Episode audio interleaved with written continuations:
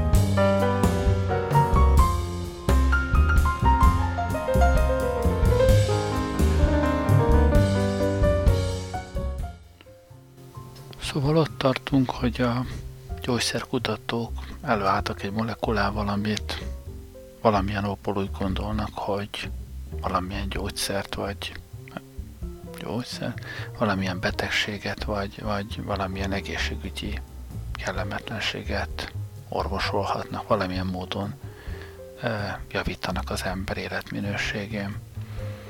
De a klinikai vizsgálatok ekkor még nem kezdődhetnek el. A gyógyszerfejlesztés innen indul, hogy van egy, van egy jó molekula, valami fajta indikáció, amire használni akarja, de hát a klinikai vizsgálat még nagyon messze van. Az első lépés az, hogy ezt a molekulát valamilyen módon gyógyszerékkel formázni, ami azt jelenti, hogy meg kell találni azt a módot, hogy ez a molekula ez kellőképpen stabil maradjon, hogy ne essen atomjaira még a patikában, hogy el, eljuthasson a, a betegekig, hogy kibírja a napfényt, a levegőt, és hát meg kell találni azt a, azt a módot is, ahogy ez, ez majd eljut a betegekhez, hogy ez, ez tabletta lesz, vagy injekció, vagy infúzió, vagy mi a fene. Emellett másrésztről ekkor indulnak el az állatkísérletek is, megpróbálják megvizsgálni, hogy nincsenek a szernek valami olyan mérgező hatása, ami bár akármennyire is gyógyító lenne egyrésztről, a másik oldalról kinyírná az összes beteget. És hát persze alulról indulnak a törzsfejlődésben szerencsétlen laboratóriumi egerek, patkányok szenvednek sokat, aztán mennek magasabb rendű állatok felé, talán most már majmokkal ritkán kísérleteznek. És így jutnak el ezeken a bizonyos preklinikai vizsgálatokon keresztül addig, hogy eljön a nagy nap, amikor először kerülhet emberi szervezetbe ez az adott gyógyszer. Eddigre két dologgal jutottak előrébb a molekulához képest. Az egyik, hogy van valamilyen formula, valamilyen tabletta vagy ilyesmi, a másik pedig, hogy a, a mérgezőséget legalábbis nagy valószínűséggel kizárták, vagy megpróbálták kizárni. Ez a az úgynevezett preklinikai fázis, ahol meglehetősen sokszor elvérzik, de aztán előbb-utóbb egy csomó gyógyszernél eljutnak a, addig a pontig, hogy a klinikai vizsgálatok első fázisa megkezdődhet.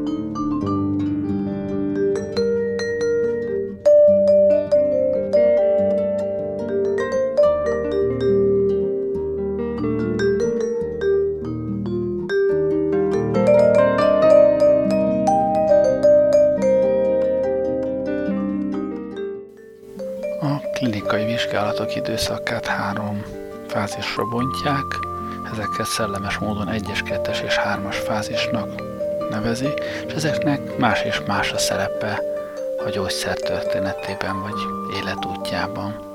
Ez az egyes fázis, amivel kezdődik, ennek a célja alapvetően a megfelelő dózis megtalálása, mégis mennyi az, ami ebből egy embernek beadható amennyi tolerálható, és hogy az elsődleges biztonsági kockázatokat megtalálják, az elsődleges mellékhatásokat felfedezzék. Ebben a bizony a második fázisban, második fázisban ott ö, alapvetően a hatásosságot próbálják megvizsgálni, hogy a kiválasztott dózisban tényleg működik-e, a, a szer gyógyítja azt, amit keresünk, és a hármas fázis az, ahol, ahol viszonylag nagyobb tömegen próbálják meg már a mellékhatásokat és a, a hatásosságot egyszerre bizonyítani. De maradjunk az első fázisnál egyelőre. Ez a bizonyos első fázis az, ahol e, jellemzően egészséges önkéntesekkel próbálják meg e, belőni azt, hogy mekkora a hatásos dózis, illetve hogy mekkora a tolerálható dózis. Ezt úgy szokták csinálni, hogy újságokban hirdetnek, vagy más módon keresnek kellőképpen rászoruló vagy pénzéhes embereket, akik jelentkeznek önként, hogy részt vesznek ebben a fajta kísérletben ezek egészséges emberek, kutyabajuk, és pénzért vállalják azt, hogy részt vesznek egy ilyen vizsgálaton, ami adott esetben mondjuk két-három napig tart. Egy tipikus eset lehet például az, hogy az első fél nap ezeket az embereket vizsgálgatják, töviről hegyire fölmérik, vérnyomás, EKG, vizelet, mindenféle vizsgálatot elvégeznek rajtuk, hogy legyen egy referencia az állapotukról, mielőtt a szert beszedni, aztán kapnak egy adagot ebből a vizsgálandó szerből, és utána még egy-két-három napig ott kell lenniük, ez többnyire valamilyen kórházban, vagy, vagy a gyógyszergyár egy, egy kórháznak berendezett részlegében zajlik, tehát még ott kell tölteniük másfél-két-három napot, amíg a szer kírül a szervezetükből, és ekközben rendszeres időközönként, az elején akár 10 percenként, később óránként, két óránként, 5 óránként vesznek részt újabb vizsgálatokon, ellenőrzik a vérnyomásokat, vesznek tőlük labormintákat, minden módon próbálják megállapítani, hogy hogyan hatott a szer a szervezetükre. És hát persze miután itt a, a megfelelő dózis megtalálásáról van szó, ezért az önkénteseket csoportokba osztják. Itt azért nem kell sok emberre gondolni, ez ilyen 10-20-30 ember, akiről beszélünk. Tehát ezeket az embereket csoportokba osztják, és egy-egy csoport különböző mennyiséget kap a szerből. Lesz olyan csoport, aki mennyit se kap, csak azért, hogy legyen egy referencia, hogy mi történik azokkal, akik csak párhuzamosan a többiekkel keresztül mennek ezeken a vizsgálatokon, procedúrákon, azoknak is felemelt a vérnyomása, azoknak is lehet gyomoridege, és lesz, aki olyan adagot kap, amiről eleve azt sejtik, hogy az még biztos, hogy nem hat, nem is veszi észre a szervezet, és egyre nagyobb dózisok egészen addig, ameddig, addig a szintig, amiről azt gondolják, hogy ez már, ez már elég durva adag, ez nem biztos, hogy könnyen tolerálható. És nagyon részletesen rögzítik a résztvevők adatait, hogy ki, ki az, aki rosszul lett, ki az, aki, aki hányt, lázas lett, milyen mellékhatások léptek föl.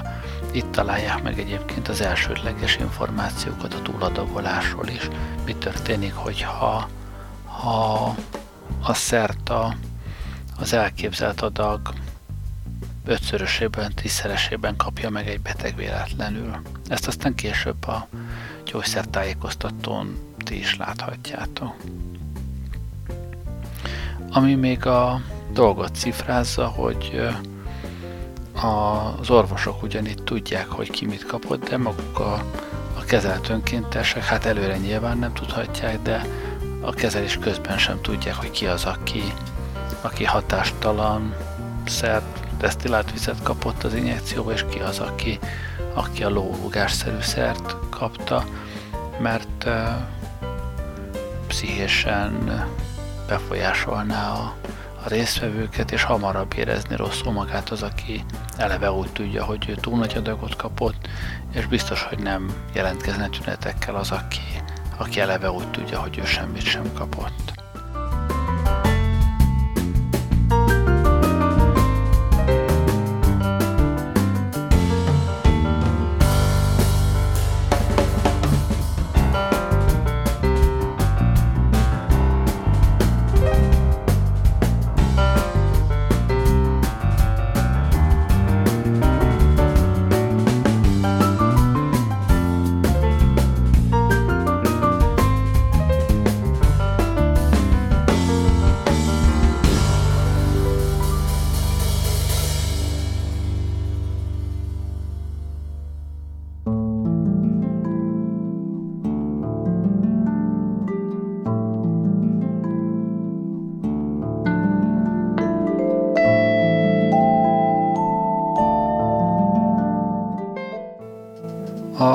Második és harmadik fázisú vizsgálatok eszközeikben, módszereikben egymással teljesen azonosa, csak a céljuk és a bennük résztvevő emberek száma különbözi, ezért ezeket így egyben mondom el. Tehát a második fázisban e, már nem lehet egy koncentrált helyen, a gyógyszergyár épületében, vagy egyetlen egy kórházban elrendezni a vizsgálatot, mert itt már pár száz betegről van szó, és a vizsgálatok időtartama is jóval hosszabb. Itt ugyanis a gyógyszer hatásosságát próbálják megvizsgálni. A harmadik fázis, ami ezután következik majd, az még sokkal nagyobb betegszámokkal dolgozik, több száz, adott esetben több ezer betegen vizsgálják a szert, és próbálnak meg újabb bizonyítékokat találni a gyógyszer hatásosságára, illetve keresni azokat a ritkábban előforduló mellékhatásokat, ami egy egy-két emberes kísérletnél még nem feltétlenül jelentkezik, de nagyobb tömegben már előfordulhat.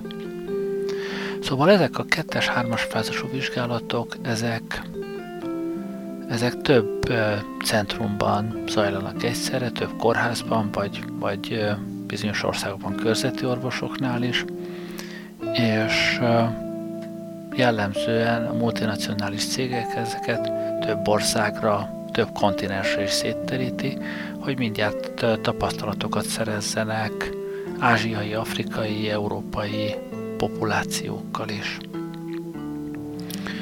A vizsgálatok nagyon szigorú rendben zajlanak. Az első lépése a vizsgálatnak az, hogy egy protokollt írnak meg, egy előiratot, amiben részletesen és előre rögzítik a vizsgálat összes körülményét. És itt az összes körülményben gondolni kell arra, hogy a betegeket hogyan osztják csoportokra, a csoportok milyen gyógyszereket vagy gyógyszerhelyettesítőket kapna, milyen vizsgálatokon vesznek részt, hányszor keresik fel az orvosukat, vagy hányszor vizsgálják őket a kórházban. Egészen odáig, hogy előre rögzítik azt, hogy az adatokat, az összegyűjtött adatokat milyen statisztikai módszerekkel fogják kiértékelni, és hogy a statisztikai módszerek során mit tekintenek aztán hatékonyságnak, hatásosságnak, hogyan keresik meg a mellékhatásokat.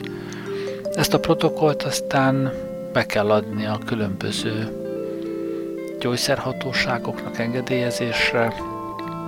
Ebben a, a nagy múmus, a, a legkeményebb ellenfele a gyógyszergyáraknak az amerikai FDA, az ottani gyógyszerügyi hivatal, ahol rendkívül alaposan vizsgálják ezeket, hogy minden kritériumnak megfelelnek-e, de ugyanígy Magyarországon is, ha egy ilyen vizsgálatot folytatni akarnak, akkor a Magyar Országos Gyógyszerészeti Hivatalnál kell azt engedélyeztetni.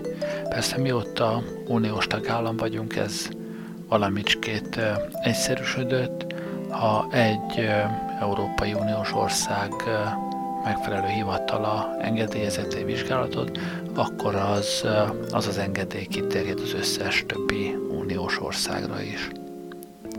Szóval ezek a vizsgálatok ezzel a, a protokollal indulnak, és ha a protokoll protokollt elfogadja a megfelelő hatóság, akkor indulhat maga a vizsgálat. A vizsgálathoz legyártják a gyógyszergyárban a szükséges gyógyszereket, ami egy meglehetősen kritikus pont. Egyrészt azért, mert a gyógyszergyárak alapvetően irgalmatlan nagy tömegű gyógyszergyártására vannak berendezkedve. Gondoljatok bele, hogy, hogy hány tablettát gyártanak le akkor, amikor a világ összes patikáját el akarják látni egyszerre.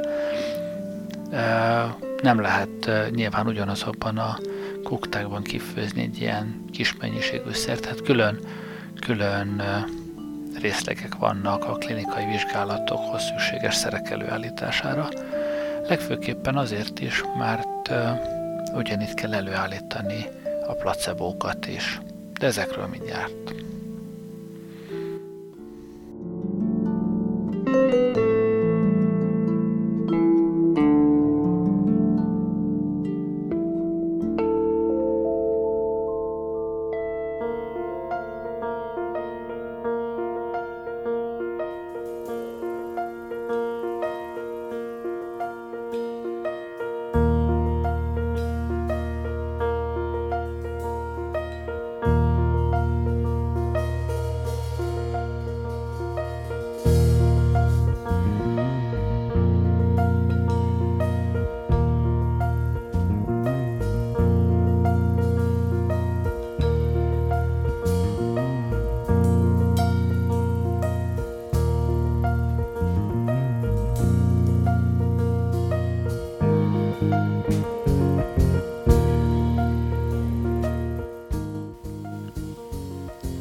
Szóval a placebo-nál tartottam.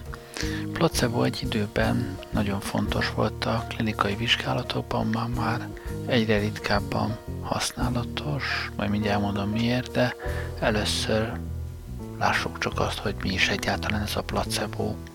Ezt a placebo szót már nagyon régóta ismeri a, az orvostudomány, már középkor vége felé is használták, amikor a neves, vagy, vagy nemes, vagy, vagy uralkodói beteget éppenséggel hatékony szerrel nem tudták kezelni, de mégis, hogy valamit kapjon, hogy nem mondja azt, hogy az orvos meg se próbálja kezelni, ezért adtak neki ártalmatlan szereket, amire tudták, hogy a betegséghez semmi köze nincs, de hát legalább nyugodjon meg az a beteg, hogy, hogy kezelve van, és hát azt tapasztalták, hogy bizonyos betegségekben, bizonyos esetekben ez az amúgy hatástalan szer bizony jótékony hatással volt, egyszerűen azon keresztül, hogy a, hogy a beteg azt hitte, hogy, hogy kezelést kap, és maga ez a pszichés hatás segített rajta. Éppen ezért vált aztán fontos ez a klinikai vizsgálatokban is, hogy nehogy hamis pozitív eredményeket tulajdonítsunk egy szerne, amikor pusztán a placebo hatás érvényesül az adott betegeknél.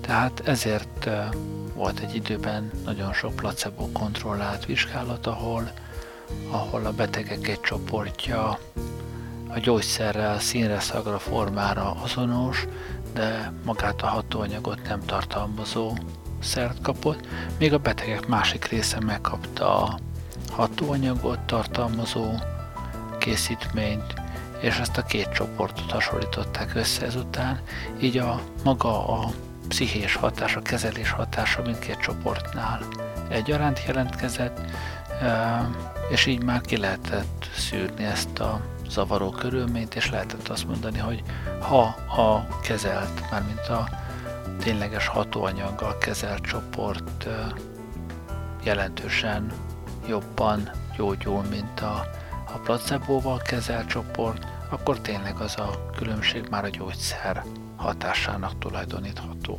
Így a placebo hatás magát ki lehet zárni. Tehát, a, ja és hogy ma miért nem használják már annyira, nem, nem igazán tekintik etikusnak. Ma már egy vizsgálatok túlnyomó többségében olyan betegségről van szó, amire valami fajta kezelés van, csak annál hatékonyabb, biztonságosabb, jobb gyógyszert akar a gyógyszergyártó piacra dobni, ezért az esetek nagy részében a, az éppen a piacon elérhető legjobb szerrel vetik össze a, az új szert, és ahhoz képest kell bebizonyítani azt, hogy ez a, az új szer, ez vagy legalább olyan hatékony és biztonságosabb, vagy sokkal hatékonyabb és, és nem kártékonyabb, nincs több mellékhatása, mint a, a piacon elérhető legjobb, legjobb szerne. Tehát ezért ma már placebót valamivel ritkábban, vagy sokkal ritkábban használ, de még ma is előfordul. Minden esetre, amit kritikus, a kettes, hármas fázisú kísérletek, megint csak azt mondom, hogy az esetek túlnyomó többségében kettős vak kísérletek. A kettős vak kísérlet azt jelenti, hogy nem tudja a beteg, hogy ő milyen szert kap, nem azt, hogy mi a molekula, mondjuk az valószínűleg nem is érdekli, hanem az, hogy ő hatóanyaggal, a, mármint hogy a, a valódi vizsgálati szert kapja, vagy pedig esetleg ezt a komparátorszert, ezt a piacon adott pillanatban elérhető legjobb kezelési módot kapja, illetve ahol több különböző dózissal, 10-20-30-50-100 mg-os kiszereléssel kísérleteznek betegek különböző csoportjain, a beteg nem tudhatja, hogy ő melyik fajta szert kapta, kis dózis, nagy dózist, mert hogy a beteg visszajelzéseit befolyásolná ez. És azért kettős fok a kísérlet, mert a helyzet ennél sokkal durvább. A kezelő orvos, aki az adott gyógyszert odaadja a betegnek, aki a beteget vizsgálja, aki a beteg leleteit elemzi, ő sem tudja, hogy a, a beteg milyen szert kapott konkrétan. Ennek a megvalósítása úgy néz ki, hogy a gyárban, ahol előállítják ezeket a szereket, ott az egyes gyógyszeres dobozokat beszámozzák, aztán véletlenszerűen összekeverik, és úgy osztják ki a betegeknek, hogy egy lezárt borítékban van csak eltéve, általában nem is ott, ahol a beteget kezelik, hanem mondjuk egy éjjel-nappali patikában leadva, hogyha sürgős szükség adódna rá, hogy, hogy mégis meg kelljen tudni valamilyen szövődmény kapcsán, vagy valamilyen életveszélyes szituációban, hogy a beteg most milyen szert is kapott, akkor ez mindig elérhető legyen. Tehát valahova leadják egy ilyen lezárt borítékban, hogy milyen számú gyógyszeres fiolában, vagy ampullában, vagy nem tudom én miben, abban éppen milyen szer volt. De sem a kezelőorvos, sem a, a beteg ezt nem tudhatja, sőt a vizsgálat végén a kiértékelés során sem bontják ki ezeket a borítékokat egészen a, a legvégéig, majd erre még visszatérek. Tehát a kettős vak kísérletben egyik résztvevő sem tudja, hogy mit kap a beteg. Néha ez azért meglehetősen kacifántos. Például, hogyha a vizsgálandó gyógyszer az egy injekció, de a piacon elérhető legjobb szer, tehát amihez képest hasonlítani kell, az meg egy nagy piros tabletta, hát ez elég nehéz volna megoldani, hogy ne vegye észre az orvos és a beteg, hogy injekciót kapott, vagy, vagy tablettát. Hát ilyenkor ezt úgy szokták megoldani, hogy mind a kettőből előállítanak ható anyaggal rendelkező és placebo verziót is, ez itt valóban placebo, tehát hatástalan szer, előállítanak uh, injekciós uh, fiolákat, vagy hogy hívják azt, ampullákat, amiben a hatásos szer van különböző dózisokban, hogyha ez kell a vizsgálathoz. És másikokat, amik minden szempontból tök ugyanúgy néznek ki, de amikben ö, nem hatásos szer van, és előállítanak a nagy piros tablettából is olyat, amelyik a, a valódi gyógyszer, az, ami a piacon is kapható, és előállítanak azzal a megszólalásig összetéveszthető, az a azonos alakú méretű placebo másolatokat, és minden beteg mind a kettőből fog kapni, fog kapni egy injekciót és egy tablettát, de a beteg se és az orvos se fogja tudni, csak a, a sorszám alapján lehetne tudni, hogy az egyes beteg az éppen hatásos injekciót kapott, és hatástalan tablettát, a kettes beteg pedig, pedig az injekcióból kapott hatástalant, és őnála a tabletta volt az, amelyik a, a valódi gyógyszer.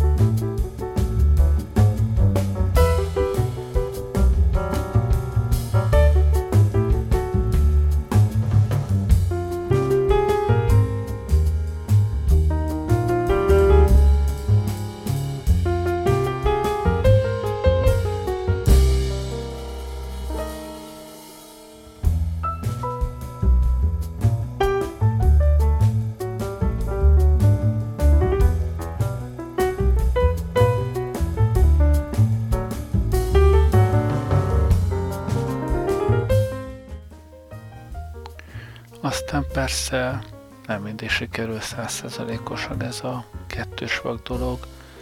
vannak olyan szerek, amiknek nehéz a placebo kontrollját előállítani. Például, hogyha hatóanyagtól a beteg vizelete markáns kék színt ölt, vagy az egész beteg iszonyatos büdös fokhagymaszakban kezd el izzadni, ezt viszonylag nehéz egy hatástalan placebóval elérni. Vannak olyan esetek, amikor ez, ez tényleg lehetetlen. Nyilván hasonlóképp nehézkes mondjuk a sebészeti beavatkozások klinikai tesztelése, ott azért az orvos csak tudja azt, hogy hogy vág, vagy hogy nem vág, hogy, hogy kezeli azt a sebet, hogy hogy nem kezeli. De azért a, a gyógyszeres kezelések túlnyomó többségénél ez a módszer működik, elég jól össze lehet zavarni a betegeket és orvosokat, kezelő orvosokat az ügyben, hogy tényleg ne tudhassák azt, hogy, hogy ki mit kapott. De nézzük meg, hogy ezekkel az összezavart betegekkel konkrétan mi is történik a klinikai vizsgálat során. A legelső lépés egy beteg, beteggel kapcsolatban, amely klinikai vizsgálatban történhet, az az lehet, hogy valamilyen módon szűrik a, a betegeket. Sok esetben az orvosok a betegállományukból válogatna. Például, ha van egy, van egy belgyógyász, akinek van 200 cukorbetege, akiket rendszeresen kezel, akkor hogyha adódik egy vizsgálat, amihez bizonyos típusú cukorbetegekre, bizonyos életkorúakra van szükség mondjuk, akkor ő viszonylag könnyen elő el tud állítani egy listát a meglevő beteganyagából. Persze az sem ritka, hogy akár újsághirdetésekben keresnek klinikai vizsgálatot részvevőket. Épp most láttam Magyarországon is egy, egy nagy csontritkulásos vizsgálathoz keresnek így metróba, plakátokon, rádióban, mindenfelé résztvevőket. Ha aztán a beteg oda jut, hogy résztvevőnek szánják, az első lépés az, hogy igen részletesen tájékoztatják a beteget a, a vizsgálat céljáról, okáról, lefolyásáról és az ő jogairól. Ami jogai között nagyon fontos az, hogy mondhatja azt, hogy nem kíván részt venni, és ettől aztán semmilyen hátrány nem érheti, a kezelő orvosa nem, nem orrolhat meg rá, ezt persze viszonylag nehezen tudja a gyógyszergyár garantálni, de fontos joga az is, hogy a vizsgálat során bármikor visszavonhatja a, beleegyezését, bármikor mondhatja, hogy köszöni szépen, ő nem kíván tovább részt venni ebben a vizsgálatban. De hogyha az összes jogát megismerte és beleegyezik, akkor alá kell írnia egy, egy hozzájárulást, hogy ő megismerte ezt a vizsgálatot, és önként saját jó szántából vesz részt a vizsgálatban. Az egyes fázissal ellentétben a, ebben a kettes fázis, kettes-hármas fázisban itt uh, tilos a betegnek fizetni a részvételért. Ennek az az oka, hogy el lehessen kerülni olyan szituációkat, amikor, amikor egy beteg, mert itt már valódi betegekről van szó, nem egészséges önkéntesekről. Tehát amikor egy beteg ember azért vállal fel valamilyen számára kellemetlen kezelést, mert, mert rászorul és, és pénzt akar keresni ezzel a, a dologgal. Az egyetlen, amit a betegeknek adott esetben lehet fizetni, az ilyen közlekedési hozzájárulás, hogyha ő neki többször be kell utaznia mondjuk a kórházba, akkor, akkor ebbe lehet uh, támogatni, lehet neki buszjegyre pénzt adni, vagy ilyesmi, de magáért a vizsgálattér pénzt nem kaphat. Ellentétben az orvosokkal, a kezelőorvosokkal, akik nagyon durva pénzeket kapnak a, a vizsgálattér.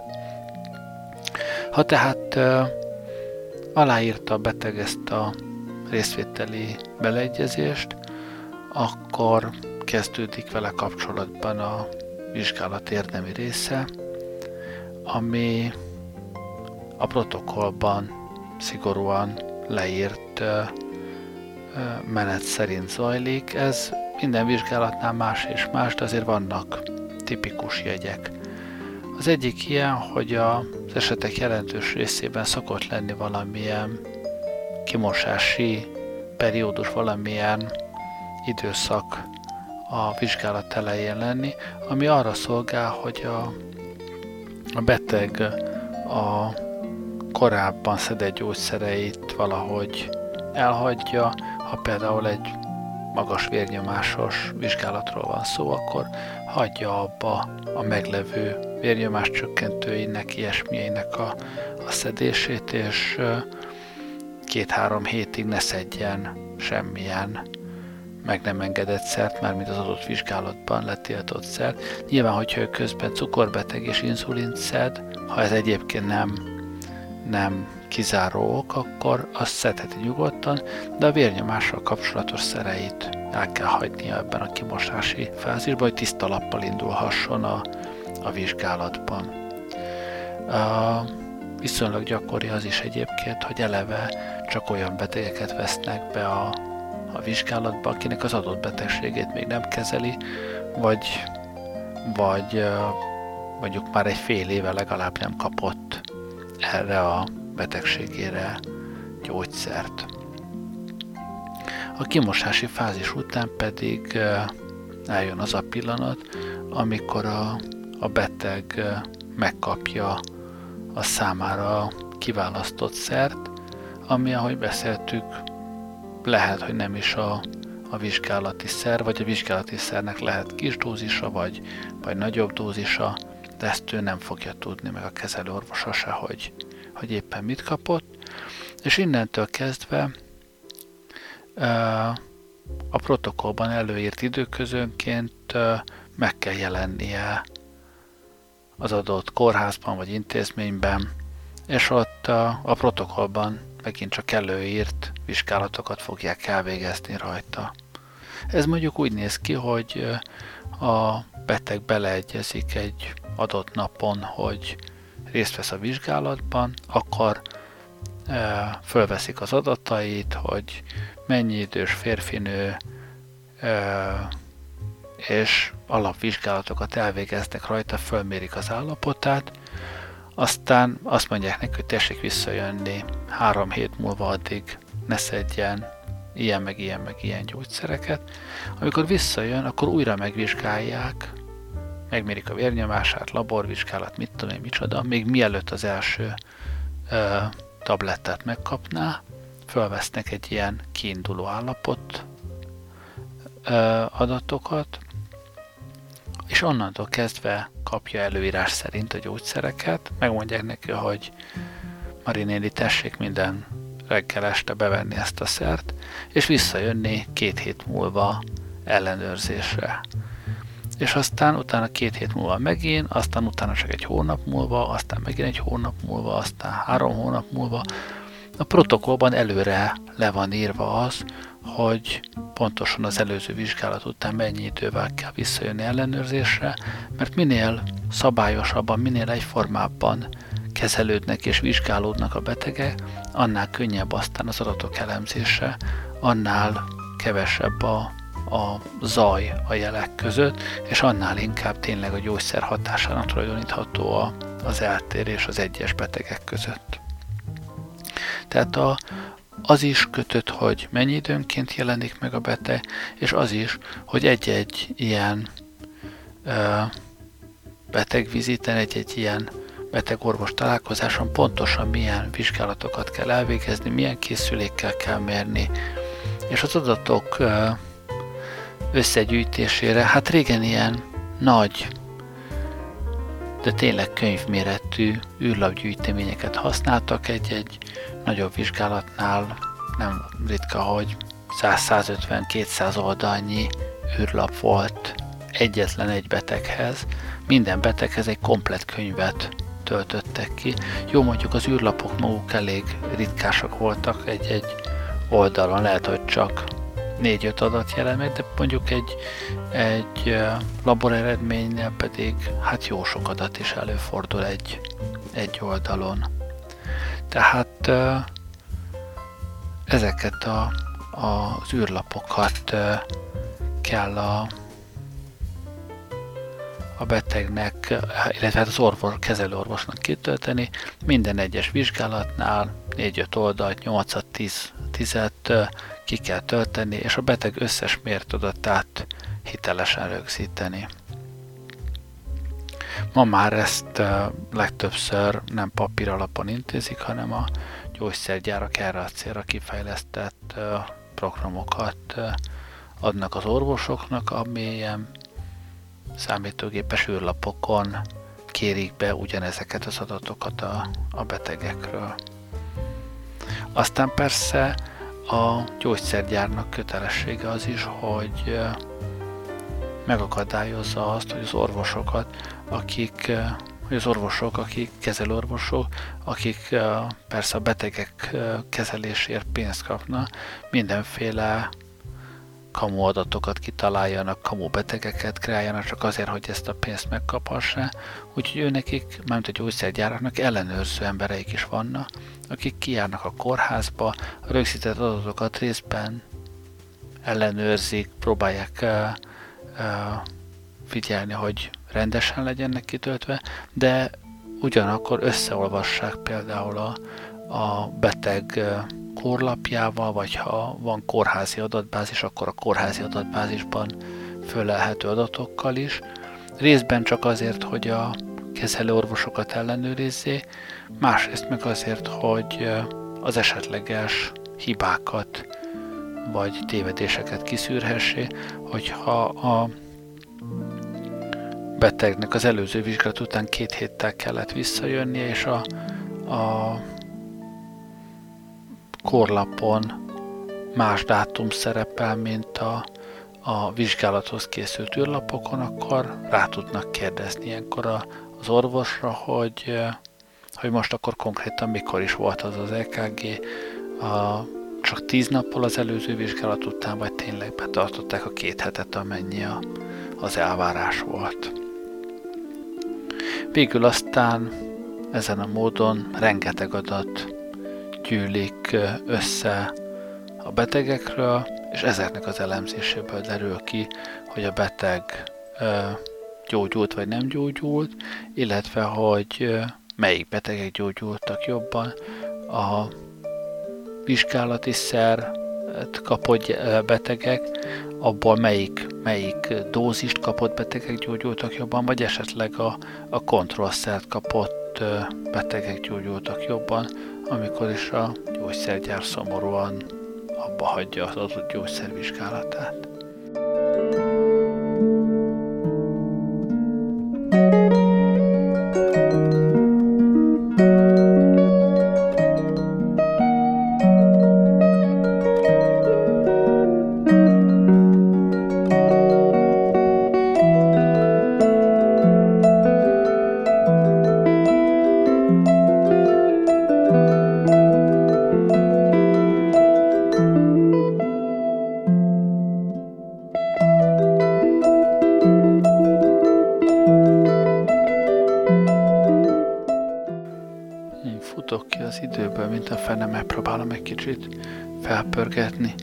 Szóval ezeket a begyűjtött adatokat, ezeket nem lehet azért rögtön még statisztikailag elemezni, ezeket először még nagyon komolyan ellenőrizni kell.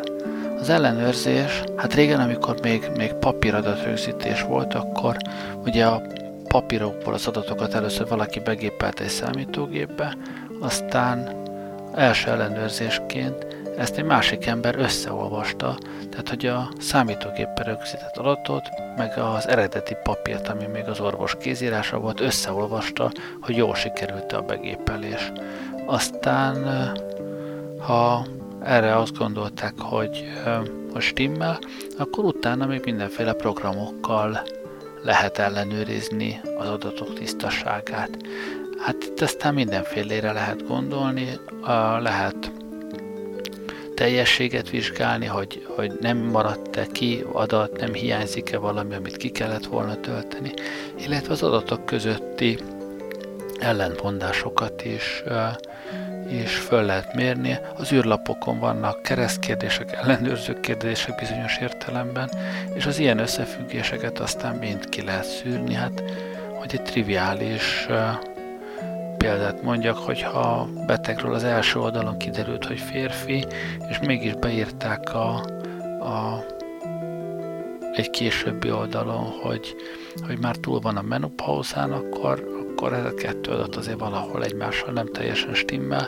Mindenképp megér egy kérdés, hogy most akkor férfi vagy nőbetegről van szó, mert hogy a, az adatrögzítők már a beteg nevével, ilyesmivel nem találkoznak, ott már a beteg az ő számukra csak egy, egy számmal azonosított. Minden ilyen kérdés visszamegy az orvoshoz, aki aztán azokat megválaszolja, és így derül ki az, hogy végül is a betegek melyik csoportja az, melyik része az, amelyiket sikerült a protokoll teljesen betartva kezelni, mert hát sok beteg az, aki, aki valamiért aztán nem juthat be az analízisbe, és aztán a statisztikus az, aki nagy szakértéssel meg fogja állapítani azt, hogy A, B vagy C csoportja a betegeknek az, aki, aki jobban reagált a kezelésre, de még a statisztikus sem tudja ekkor, hogy az A, B és C csoport közül melyik az, amelyik a vizsgálati szert kapta kis adagban, melyik az, amelyik nagy adagban, melyik az, amelyik a, a kontrollszert kapta. És csak amikor már azt is rögzítették, hogy A, B vagy C csoport gyógyult jobban, melyikben fordult elő több mellékhatás, utána törik fel a kódokat és állapítják meg, hogy hát az A csoport volt az, amelyik mondjuk mondjuk a mi szerünket szedte, a B csoport pedig az, amelyik a, a konkurenciájét, és ha az A csoport gyógyult jobban, akkor lehet nagyon örülni.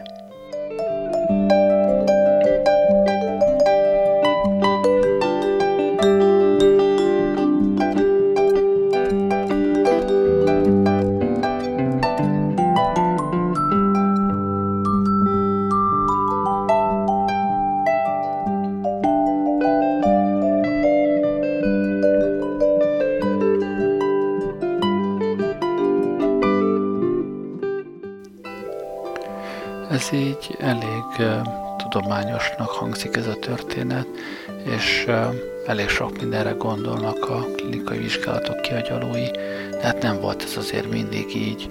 A vizsgálatok története helyenként egészen gázos sztorikkal jeleskedik, amikor börtönökben meg elmebetegeken vizsgáltak szereket nyilvánvalóan nem feltétlenül a beleegyezésükkel, pedig azért elég hosszú a története ezeknek a vizsgálatoknak.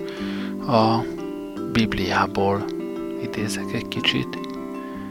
De Dániel eltökéli az ő szívében, hogy nem fertőzteti meg magát a király ételével és a borral, amelyből az iszik vala, és kéri az udvarmesterek fejedelmét, hogy ne kelljen magát megfertőztetnie és az Isten kegyelemre és irgalomra méltóvá tevé Dánielt az udvarmesterek fejedelme előtt, és mondta az udvarmesterek fejedelme Dánielnek.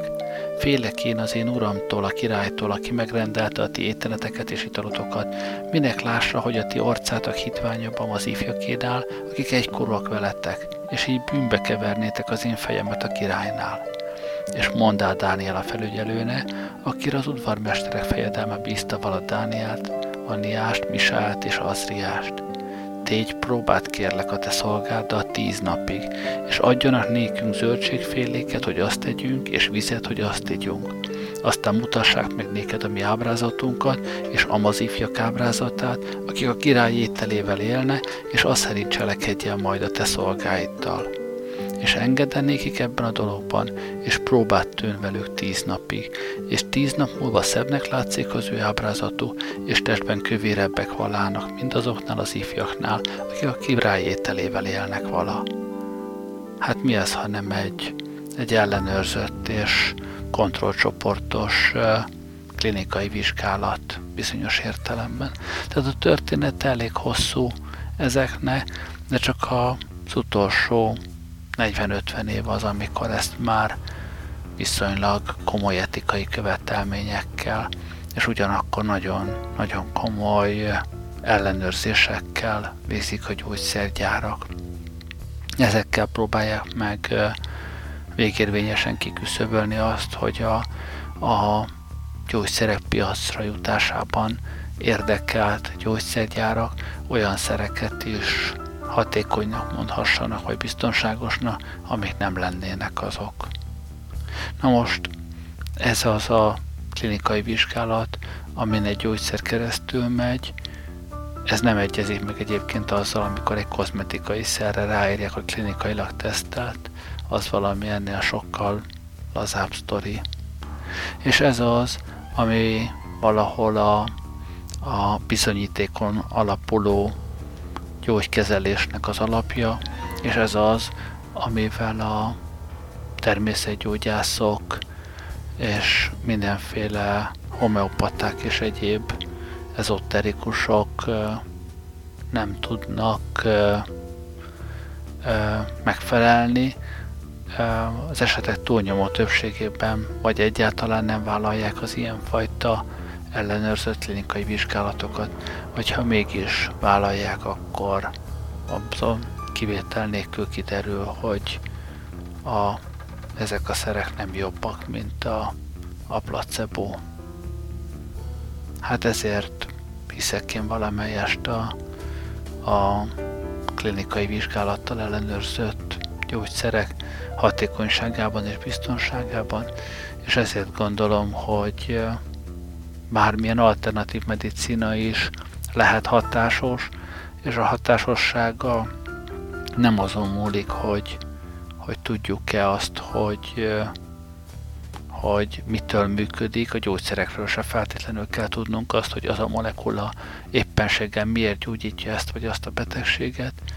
Azt kell tudnunk, hogy ez a hatásosság, ez megismételhető, nem attól függ, hogy a beteg hisze benne vagy nem hisz benne, hanem hogyha nagy számú betegen ellenőrzött körülmények között láttuk azt, hogy az esetek jelentős többségében ez a szer működik, és nem okoz aránytalan mellékhatásokat, akkor, akkor az hatásosnak tekinthető, biztonságosnak tekinthető.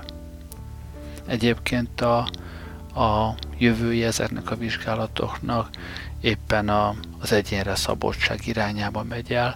Most már nem csak azt szeretnék tudni, hogy a betegek 95%-a az adott szertől gyógyul, vagy, vagy az állapota javul, 5%-a pedig, pedig nem javul. Azt is szeretnék tudni pontosan, mitől van az, hogy és ki az az 5% akire ez nem hat, vagy ki az a 20% akire ez a szer kivált képerű teljesen hat, és milyen genetikai kép az, ami, ami ezt befolyásolja, úgyhogy ma már egyre többször a klinikai vizsgálatokkal együtt genetikai vizsgálatok is futna, és próbálják megállapítani, hogy, hogy melyik genetikai csoport, akinek adott szer használ vagy nem használ, hogy később a kezelésében el tudják kerülni azokat a, az eseteket, hogy olyan szert adnak egy betegnek, aki, akinek az nem fog hatni, mert más genotípushoz tartozik. Hát nagyjából ennyit akartam elmondani vagy lát lett volna ennél sokkal több is, de ennyi fért az adásba. Köszönöm, hogy velem voltatok ma este. Jó éjszakát kívánok. Gerlei Rádiózott. Bye.